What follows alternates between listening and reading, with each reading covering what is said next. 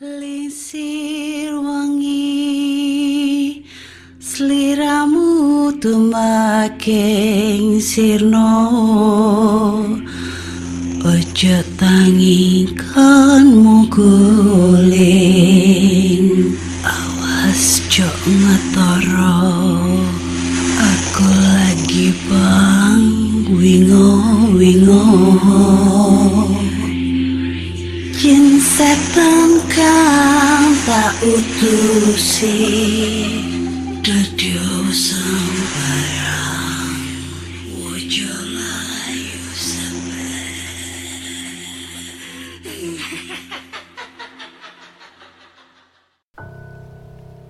Hai Re, iya apa kabarnya? Ketemu lagi dengan aku si Ana di podcast kisah horor. Kita bertemu di episode 264. Dan di episode kali ini aku akan membacakan cerita horor ataupun email berhantu yang sudah dikirimkan teman-teman melalui podcast kisah horor at gmail.com atau di Instagram podcast kisah horor serta Google Form yang linknya tersedia di bio Instagram podcast kisah horor. Jadi langsung aja kita bacain cerita horor yang udah masuk karena ceritanya ini kayaknya panjang-panjang banget ya. Takut durasinya kelamaan. So, cerita pertama ini datang dari siapa ini? Dari Sundari ya. Judulnya adalah Gedung Kantor Berhantu. Oke. Halo Kak, perkenalkan nama aku Sundari. Kali ini aku pengen bercerita tentang pengalaman hak pengalaman aku di kantor berhantu. Sebelum saya nempatin gedung kantor yang sekarang ini, kami harus menyewa ruangan kantor di sebuah gedung milik bank di bilangan Jalan Imam Bonjol. Kalau orang Medan pasti tahu. Oh, di Medan ini. Kebetulan juga gedung bisnis perusahaan saya juga di situ. Jadi kami pun menyewa ruangan gedung tersebut di lantai 8. Lumayan luas kalau nggak salah hampir satu lantai kami sewa di situ. Jadi sebelum nempatin ruangan itu, saya dan teman saya dari Departemen Engineering waktu itu harus melakukan survei terlebih dahulu. Hal ini biasa dilakukan guna mengukur luasan bangunan yang dipakai menentukan peruntukan ruangan lalu dibagi menjadi tiga karena ada tiga departemen yang akan menempati ruangan itu. Ruang demi ruangan saya ukur dan saya skat, kemudian ditentukan ruangannya buat apa. Secara sepintas, ruangan ini amat sangat luas, tapi terkesan suram. Entah kenapa hawanya nggak enak aja. Tapi karena kami terlalu semangat untuk segera menempatinya, akhirnya saya pinggirkan perasaan saya tersebut. Seminggu setelah lakukan survei ulang, akhirnya kami pun pindah. Proses pindahan pun dilakukan selama lima hari, di mana satu persatu departemen mendapat jatah satu hari untuk memindahkan barangnya ke gedung baru, lalu selama dua hari sisanya diperuntukkan untuk menyusun dan beres-beres. Jadi kejadian pertama itu datang dari teman-teman yang bantu kami pindahan. Pas sore hari jam 6 pas di dekat lift barang kalau nggak salah. Jadi mereka ngeletakin cermin nih. Nah secara tiba-tiba pecah di tengahnya alias bolong tanpa sebab. Padahal nggak ada yang nyenggol ataupun megang. Cerita horor pun menyeruak ke permukaan cerita pertama itu muncul yaitu lift. Jadi, gedung itu punya tujuh lift. Enam buat para penghuni, satu buat ngangkat barang. Enam lift ini dibagi dua, tiga di kiri gedung sis eh dibagi dua, tiga di kiri, di kiri gedung, sisanya di kanan gedung. Yang paling horor itu lift kiri nomor tiga atau paling pojok. Konon, Katanya dulu ada pekerja bank di situ yang pulang larut malam karena lembur. Terus dia pun menggunakan lift kiri paling ujung itu. Entah kenapa kepalanya nyangkut lalu pintu lift itu pun tertutup otomatis dan turun ke bawah. Dan seperti yang kalian bayangkan ya, pekerja itu pun meninggal dengan kepala tertinggal di lantai 8 dan badan itu di basement. Anjir. Aduh serem anjay. Sampai sekarang kisah itu cukup sering dibicarakan. Secara keanehan pun ada terhadap lift itu. Kayak gak mau nutup. Bunyi sendiri atau gak mau jalan padahal bolak-balik dah dibenerin sama orang yang ahli di bidang lift. Tapi pengakuan mengejutkan muncul bahwa semua spare part yang di lift itu sudah baru semua. Tapi tetap aja ngadat. Hal itu terjadi setelah kejadian pegawai tersebut. Lalu cerita kedua itu penunggu di lantai 5. Jadi gedung ini terdiri dari 10 lantai. Di mana lantai 5 sama sekali tidak digunakan ataupun disewakan. Pertama-tama saya dan teman-teman juga sempat heran kenapa lantai 5 ini nggak pernah dipakai untuk acara atau keperluan apa pun. Terus, security bank ada cerita sama saya bahwa lantai 5 itu salah satu lantai paling kuat gangguan horornya. Makanya nggak pernah dipakai ataupun disewakan. Awalnya lantai 5 itu disewakan ke salah satu provider HP terbesar di negeri di negeri kita Indonesia Raya ini.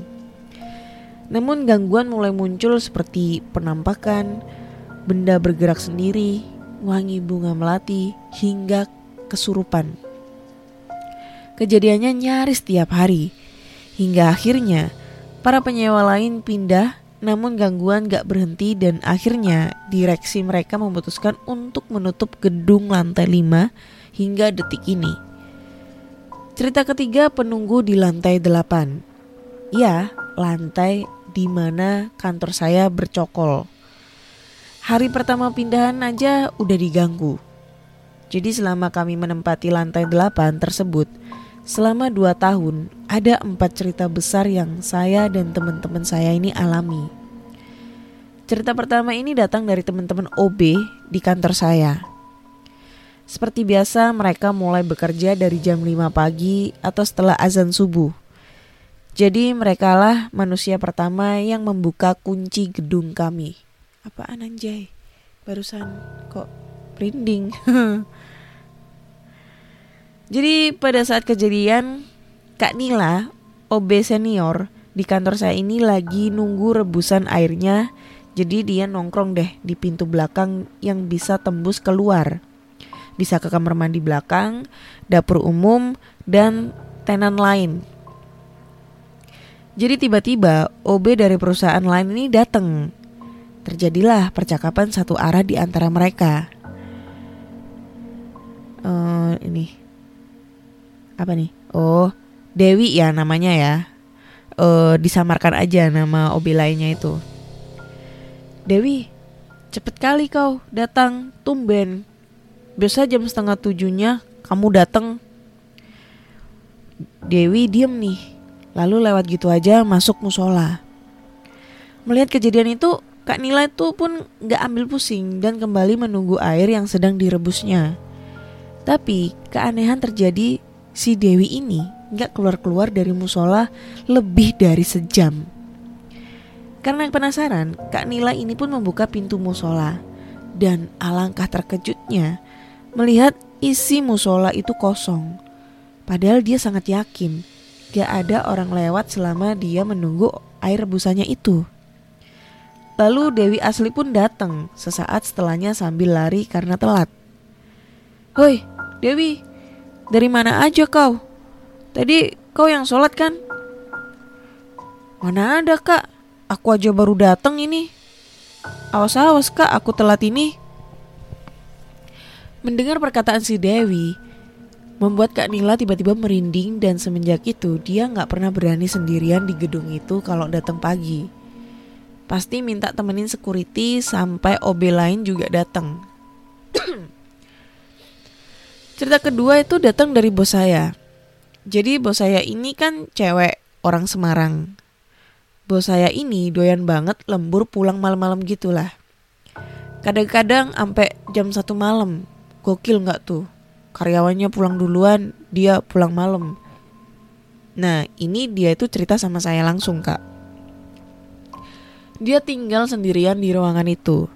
Sementara yang lain di luar dan jam telah menunjukkan jam setengah 12 malam. Saat lagi serius-seriusnya kerja, tiba-tiba kecium wangi bunga mawar. Di ruangan itu hanya di ruangan eh wangi bunga mawar di ruangan itu. Hanya di ruangan itu mencium gelagat gak enak. Bos saya keluar lalu memanggil security. Lalu setelah masuk bersama security, tiba-tiba lampu ruangan itu mati dan wangi pun makin pekat. Melihat kejadian itu, bos saya pun langsung kabur dan gak berani lembur sendirian. Setelah kejadian itu juga dia sering menyium bau ba, apa nih? Nyium bunga mawar kalau malam. Kalau udah nyium bunga mawar, pasti ngajak saya dan teman-teman saya pulang. Cerita ketiga itu dari datang dari teman-teman saya dari dari departemen lain. Tepatnya mereka yang dapat ruangan di pojok dekat gudang. Jadi pernah mereka malam-malam main PS. Karena di luar lagi hujan deras banget, jadi sambil nunggu ya pada main PS lah. Setelah beberapa lama, tiba-tiba tembok yang jadi sekat ke gudang seperti digedor-gedor berkali-kali. Dindingnya ini terbuat dari gipsum ya. Jadi kalau digedor itu nyaring banget dengernya. Setelah dicek, rupanya gudang tersebut kosong. Mereka pun ngacir menyelamatkan diri.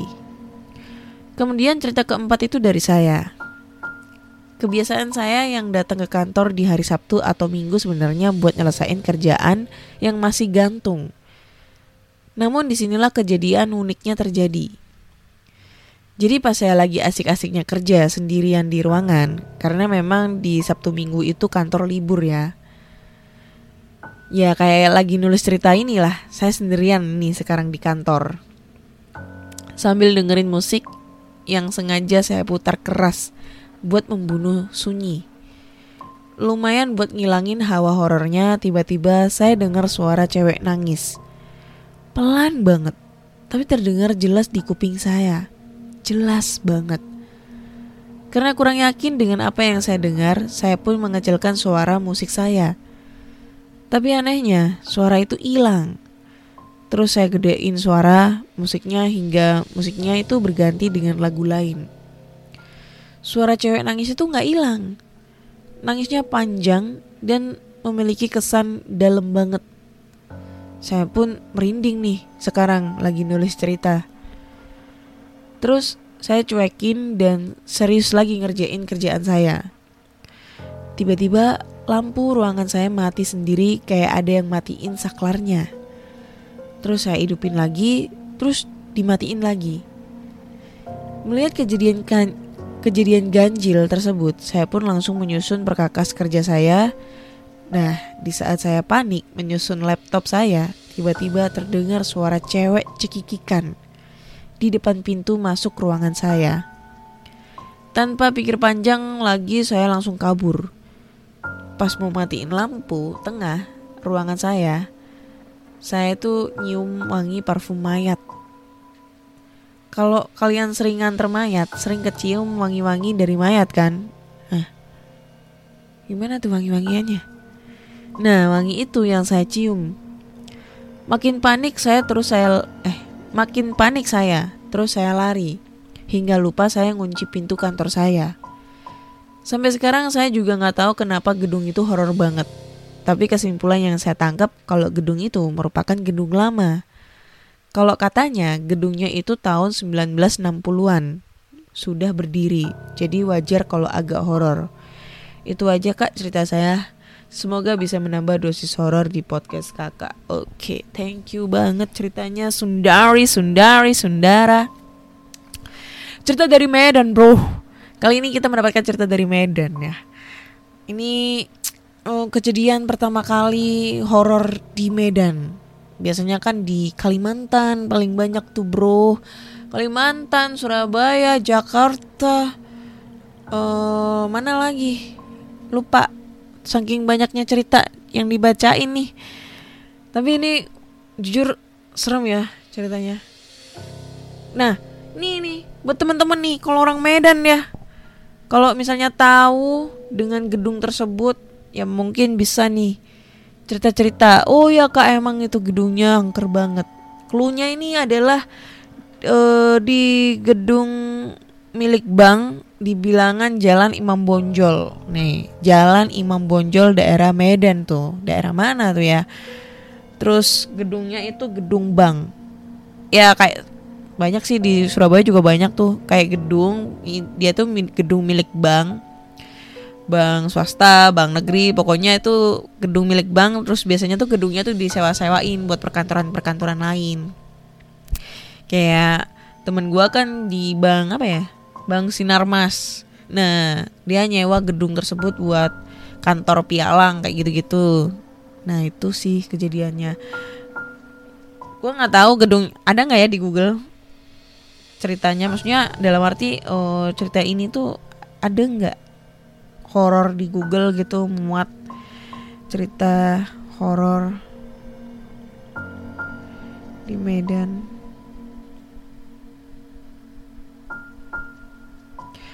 Kalau misalnya ini maksudnya ada kalau misalnya ini udah terkenal ya nih gedung ya pasti udah sering banget orang uh, cerita nih apa namanya pengalaman horor di situ gitu kan tapi ini nggak ada sih. Males gue nge-searchnya terlalu banyak. Males mikir wah. Kayak gitu guys. Serem sih. Gue kenapa ya? Pokoknya tuh kalau cerita horor di kantor maksudnya di perkantoran gitu yang berlantai-lantai di hotel juga yang berlantai-lantai di kos-kosan kayak gitu-gitu terus sama di mana ya? Di rumah sakit eh rumah sakit itu tuh udah umum ya? Ya pokoknya di bangunan-bangunan tua gitu ya. Gue tuh kayak tertarik banget dibandingkan cerita di rumah ya kan? Cerita di rumah terus cerita di rumah sakit itu kan hal yang wajar ya karena di situ kan banyaknya orang sakit gitu. Terus cerita di sekolah sekolah itu rata-rata ceritanya tentang persami kayak gitu-gitu. Nah kalau misalnya oh apartemen. Itu kayak ceritanya tuh beragam gitu loh. Nggak tahu kayak seru banget kalau gue ngedengerin cerita itu di kantor apart hotel kayak gitu-gitu. Itu kayak anjay kayak apa ya eh, beragam-beragam gitu ceritanya. Kalau rumah kan hal yang wajar ya karena ya semua tempat sih pasti ada penunggunya gitu loh. Kalau rumah kan cuma itu itu aja. Tapi kan kalau di gedung berlantai-lantai itu kayak gue tuh ngebayanginnya setiap eksistensinya itu setiap lantai itu berbeda. Gue tuh sampai sekarang belum keturutan ya pengen banget ngerasain uh, challenge. Challenge yang itu loh. Apa sih yang kita uh, naik lift dengan nomor lantai acak pencet acak yang katanya ganjil dulu setelah ganjil habis itu genap kayak gitu-gitu terus terakhir itu berhenti di lantai 5 atau lantai berapa gitu gue lupa. Itu katanya nanti kalau misalnya berhasil kita bakal masuk ke dunia ke dimensi lain. Katanya sih kayak gitu ya gue nggak tahu. Gue pengen banget nyoba kayak gitu cuma katanya harus nyari minimal 9 lantai. Nah itu. Gue kemarin nyoba di hotel yang uh, ada gue pernah nginep di hotel tuh cuma tujuh lantai doang gak pas nih. Jadi minimal harus 9 atau berapa gitu dan oh iya gue nggak pernah merhatiin cuy. Kalau setiap gue ke mana gitu katanya sih kalau kalau di Jepang sih katanya lantai 4 sama 13 ya itu nggak ada di liftnya. Pokoknya satu dua tiga lima enam tujuh kayak gitu gitu gue nggak pernah merhatiin coba sih gue main ke mana ya ke gedung-gedung yang ada oh ke mall ke mall. Coba sih ke mall. Ke mall ada nggak ya kayak gitu, katanya sih mitos-mitos kayak gitu. Katanya kalau misalnya kita oh, kalau ada lantai 4 kita nunjuknya lantai 4 itu uh, lantai ke dimensi lain atau apa gitu gua gua nggak tahu mitosnya. Nah itu gue pengen nyoba. Coba kapan ya? Coba deh gue pengen ke sana gitu. Tapi katanya sih malam nyobanya kayak gitu. Kalau malam ke mana ya? Ke gedung apa ya yang sepi ya bingung coy kalau hotel kan rame 24 jam Ya nanti kita pikirin. Mungkin kalian ada ide nih ke gedung mana, gedung mana. Kalian bisa langsung aja eh, komen-komen di kolom komentar ya. Gitu guys. Lanjut kita ke cerita kedua nih ya. Oke, lanjut ke cerita berikutnya ini datang dari email dari Adi ya. Judulnya adalah gangguan saat memancing. Hai Kak Ana, perkenalkan nama aku Adi. Kali ini aku pengen bercerita tentang pengalaman horor. Dan kejadian ini kalau aku nggak salah ingat itu setahun yang lalu di hari Kamis malam Jumat. Tanggal serta bulannya itu aku udah lupa. Aku termasuk orang yang hobi memancing, apalagi mancing ikan lele di malam di malam hari. Sore itu seorang temanku mengajakku memancing. Ya, tanpa pikir panjang, aku iakan aja. Toh bosen di rumah karena istri dan anak lagi mudik ke ke Madiun. Oh ya, aku sampai lupa. Kejadian ini terjadi di Pekanbaru Riau. Waduh, jauh. Karena malam mau mancing, aku pun mempersiapkan semuanya. Mulai dari alat memancing, umpan, senter, dan sepatu boot. Selep dan selepas maghrib, kami berangkat menuju lokasi. Setiba di lokasi, kami pun memulai memancing. Hampir dua jam kami memancing, hanya beberapa ekor yang kami dapat. Itu pun gak memuaskan dan akhirnya kami memutuskan untuk pindah ke lokasi yang memang sedikit angker. Tapi jangan tanya soal ikannya, asal tahan saja. Pasti dapat banyak. Jam menunjukkan pukul 21 lewat 30. Kami sampai di lokasi dan kami pun segera mencari tempat masing-masing untuk spot memancing. Aku dapat posisi di bawah pohon bambu di sebelah jembatan yang sudah roboh. 10 meter di sisi kanan itu temanku. Nah, gak seberapa lama kami memancing. Aku pun mulai strike pertama. Dan di situ gangguan mulai terjadi. Ada yang melempar pasir ke tempatku memancing. Aku yang lagi happy karena strike duluan gak ambil pusing. Positive thinking. Mungkin itu temenku yang lempar, lagi kesel kali ya karena aku dapat duluan. Jadi aku nyeletuk nih ke dia. Bro, jangan main lempar-lemparan kalau belum dapet mah. Eh, temenku malah jawab. Siapa yang lempar? Dan suara temenku itu jauh kira-kira jaraknya udah 20 meter dariku.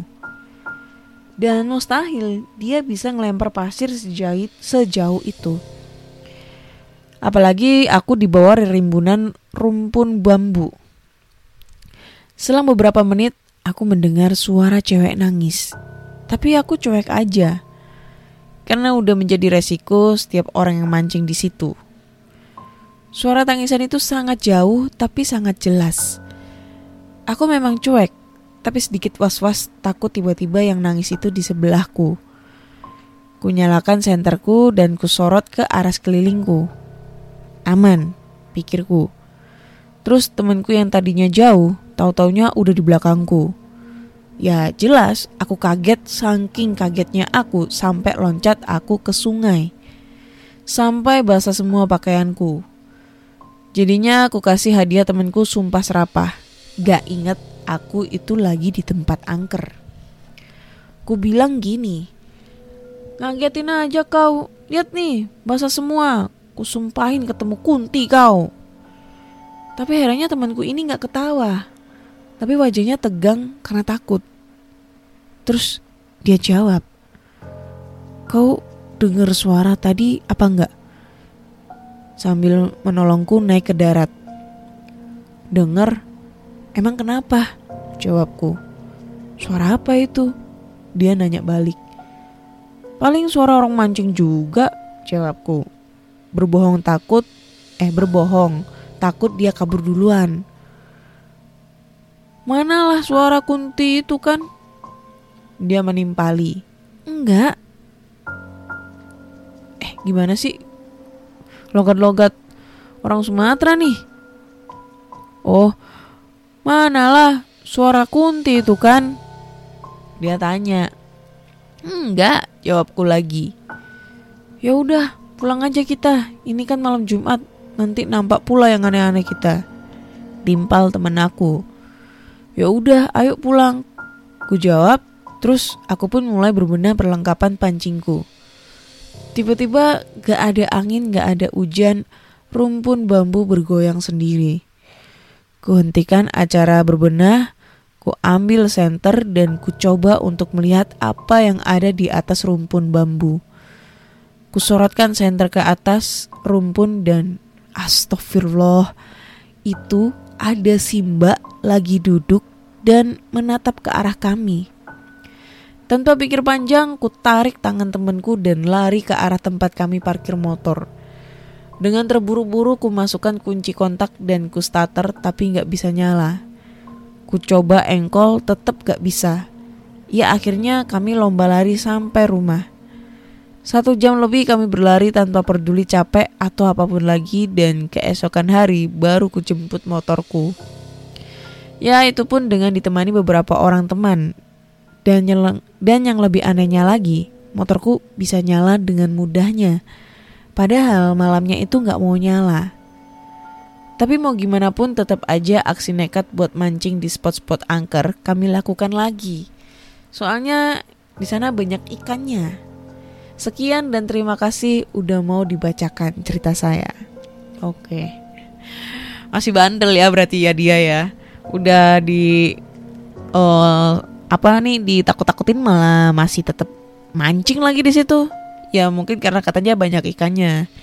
Ya iyalah banyak ikannya. Siapa juga mancing gitu di tempat angker ya? Lagian kalau kenapa sih mancing itu malam kok nggak siang gitu?